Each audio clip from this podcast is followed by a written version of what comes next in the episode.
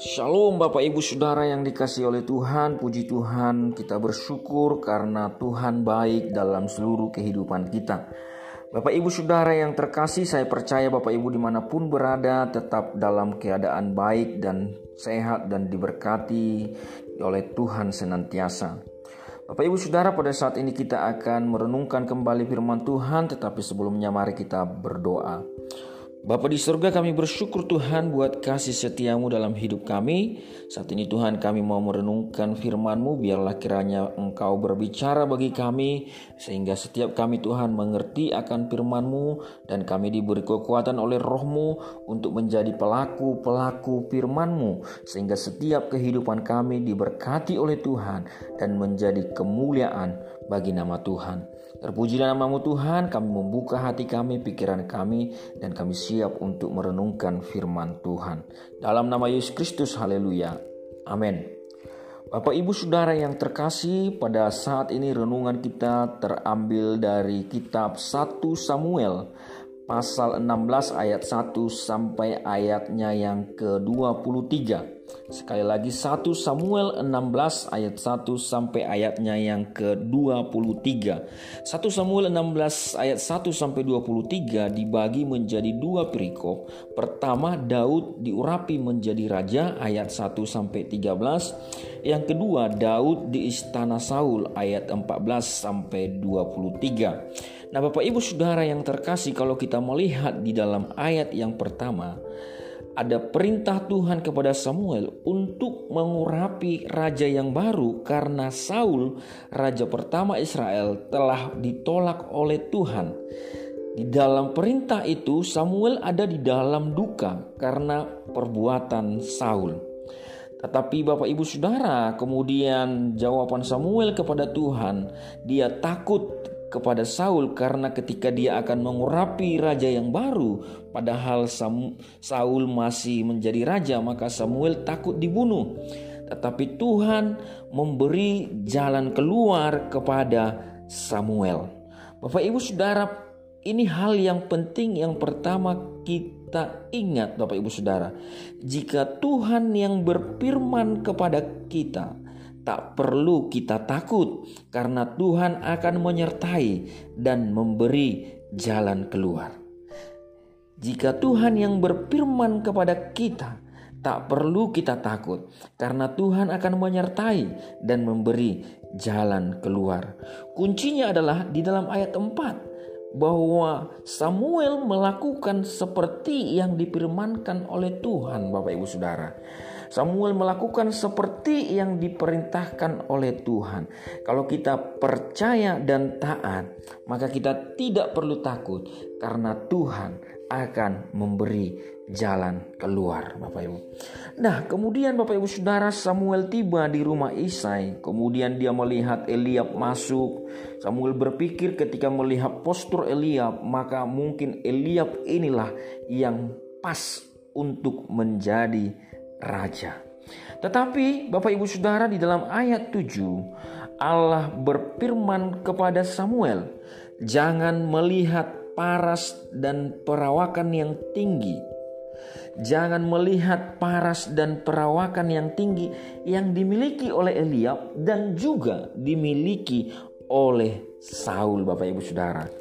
Kemudian dikatakan bukan yang dilihat manusia yang dilihat Allah. Manusia melihat apa yang di depan mata, tetapi Allah melihat hati. Bapak Ibu Saudara, pelajaran yang kedua yang perlu kita ingat adalah bahwa Allah melihat hati Bapak Ibu. Ini adalah sebuah pertentangan antara apa yang pertama terjadi ketika Allah memilih Saul. Saul menjadi orang yang dipuja-puja oleh manusia. Dia tingginya lebih tinggi sebahu dari seluruh orang Israel. Perawakannya tampan, kemudian Bapak Ibu Saudara dia anak orang kaya. Tetapi Bapak Ibu Saudara, Daud yang dipilih oleh Tuhan di sini Tuhan berkata Allah melihat hati. Allah tidak melihat perawakan. Allah tidak melihat apa yang dilihat oleh manusia. Allah melihat yang tidak terlihat. yaitu sampai kepada kedalaman, yaitu motivasi Bapak Ibu Saudara. Hati, karena hati menggerakkan seluruh kehidupan manusia. Hati seseorang menggerakkan seluruh apa yang akan dia perbuat. Allah melihat yang sesungguhnya, Bapak Ibu Saudara. Muka, wajah itu bisa dipakaikan topeng Bapak Ibu Saudara, tetapi hati tidak bisa. Manusia boleh ditipu, tetapi Allah tidak bisa ditipu dengan hati kita. Karena apa? Karena Allah melihat sampai yang terdalam Bapak Ibu Saudara. Oleh karena itulah Amsal 4 ayat 23 mengatakan jagalah hatimu dengan segala kewaspadaan karena dari situlah terpancar kehidupan. Allah melihat hati kita Bapak Ibu Saudara. Oleh karena itu tidak peduli seberapa baik kita melakukan sebuah perbuatan. Tetapi kalau hati kita jahat itu adalah kekejian di mata Tuhan. Sama seperti yang dilakukan oleh Ananias dan Sapira Bapak Ibu Saudara. Mereka menjual hartanya membagi-bagikannya. Tetapi motivasi hati mereka jahat maka itu adalah kekejian bagi Tuhan. Manusia hanya bisa melihat sebatas perbuatan, tetapi Tuhan bisa melihat kedalaman mengapa seseorang itu melakukan perbuatan itu. Hati, Bapak Ibu Saudara, jaga hati kita ketika engkau berbuat baik, ketika engkau juga melakukan sesuatu yang baik, selalu senantiasa jaga hati Bapak Ibu Saudara. Jika yang pertama tadi Tuhan akan memberi jalan keluar jika Tuhan yang berfirman, kita tidak perlu takut.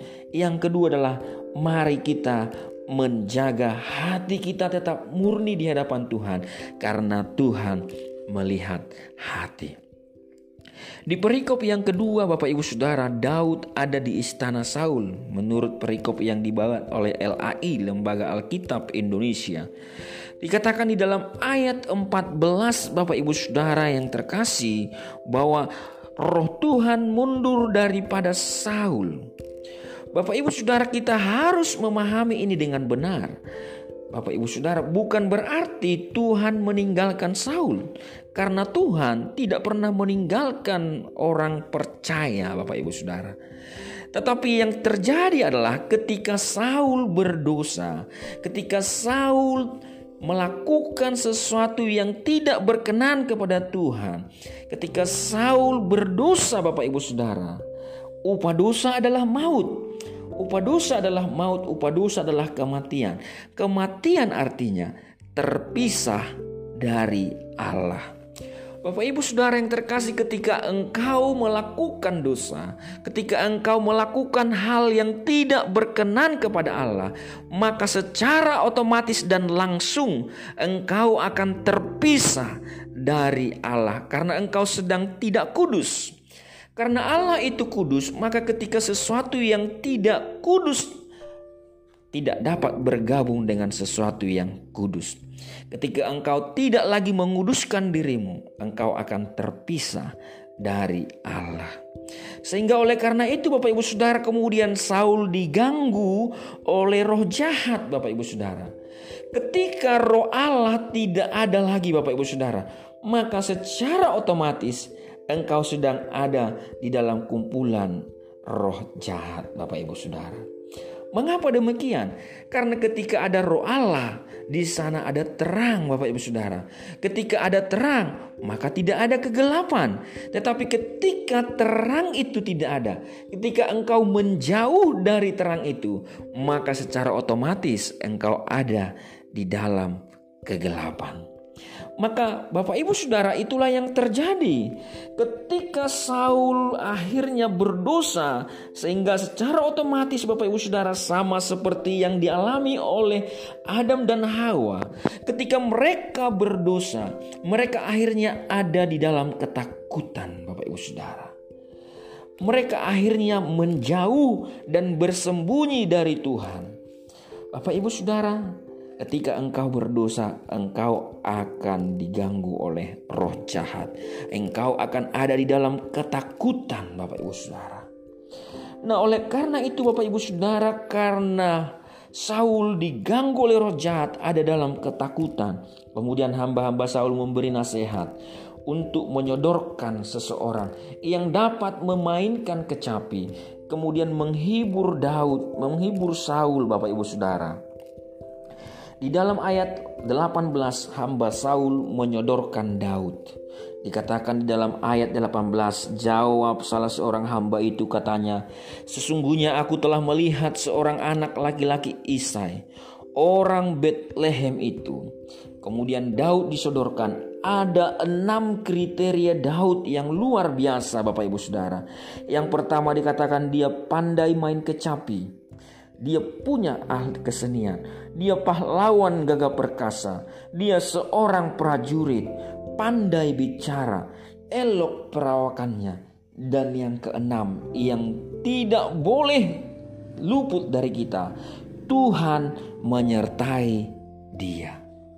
Bapak Ibu lihat Daud dikatakan Tuhan menyertai dia. Secara manusia, secara keahlian Daud miliki, tetapi dia disempurnakan oleh Tuhan menyertai dia. Sehingga ketika Daud bermain kecapi Bapak Ibu Saudara, roh Tuhan yang menyertai Daud itu, terang yang ada pada Daud itu mengusir kegelapan sehingga roh jahat yang ada pada Saul itu secara otomatis akan pergi Bapak Ibu Saudara. Ketika Bapak Ibu Saudara ada dalam terang, ketika roh Tuhan menyertai engkau, ketika Tuhan ada bersama-sama dengan engkau, maka ketakutan tidak akan ada padamu. Maka roh jahat tidak akan mengganggumu Bapak Ibu Saudara. Karena apa? Karena roh Tuhan ada padamu. Bapak Ibu Saudara ketika engkau masuk hadirat Allah engkau akan memiliki damai sejahtera. Ketika engkau masuk hadirat Allah engkau akan memiliki ketenangan Bapak Ibu Saudara. Itulah yang dialami oleh Saul Bapak Ibu Saudara. Karena dia tidak lagi dapat menghadirkan Allah maka dia mengundang Daud. Daud yang disertai oleh Tuhan. Daud dapat menghadirkan Allah, Bapak Ibu Saudara. Bapak Ibu Saudara, ketika engkau datang ke hadirat Allah, menyembah Dia, memuji Dia, hadirat Allah hadir padamu, maka segala roh jahat, segala ketakutan, segala kegelapan akan sirna dengan sendirinya. Mari Bapak Ibu Saudara. Yang ketiga, undang hadirat Allah di rumahmu. Undang hadirat Allah di hatimu. Undang hadirat Allah dalam pekerjaanmu. Undang hadirat Allah dalam keseharianmu. Maka segala ketakutan, kekhawatiran akan lenyap dari kehidupanmu karena Allah akan menyertai engkau. Bapak Ibu Saudara yang terkasih, Mari kita lihat Bapak Ibu Saudara. Yang pertama, Tuhan memberi jalan keluar bagi mereka yang melakukan seperti apa yang difirmankannya. Yang kedua, Tuhan melihat hati, bukan melihat paras dan perawakan. Karena itu, perbaiki hatimu, jaga hatimu senantiasa di hadapan Tuhan. Dan yang ketiga, ketika hadirat Allah, penyertaan Allah ada dalam kita, maka maka hal-hal yang menakutkan Bapak Ibu Saudara, maka roh jahat yang menakutkan akan sirna daripada kita. Maka Bapak Ibu Saudara yang terkasih, mari kita senantiasa mendekatkan diri kepada Tuhan. Saya percaya Bapak Ibu Saudara di masa-masa yang sulit ini Bapak Ibu, di masa-masa pandemik ini ketika kita mengundang hadirat Allah, kita tidak akan khawatir akan situasi terkini, tetapi kita akan percaya dan bersuka cita dan tenang menghadapinya. Karena apa? Karena Tuhan menyertai kita. Terpujilah namanya. Mari kita berdoa. Bapa di surga kami bersyukur Tuhan buat kasih setiamu. Kami bersyukur buat firmanmu. Biarlah rohmu menguatkan hati kami dan memimpin kami sehingga setiap kami menjadi pelaku-pelaku firmanmu. Jika ada di antara umatmu yang saat ini mendengarkan ini Tuhan. Ada dalam ketakutan, ada dalam sakit penyakit, ada dalam kebimbangan. Rohmu menjama mereka, menyembuhkan mereka. Rohmu memulihkan mereka, rohmu menguatkan mereka ya Tuhan. Hamba berdoa di dalam nama Yesus, berkat Allah dicurahkan atas setiap kami. Dalam nama Yesus kami berdoa. Haleluya. Amin. Shalom Bapak Ibu Saudara. Tuhan Yesus memberkati kita semua.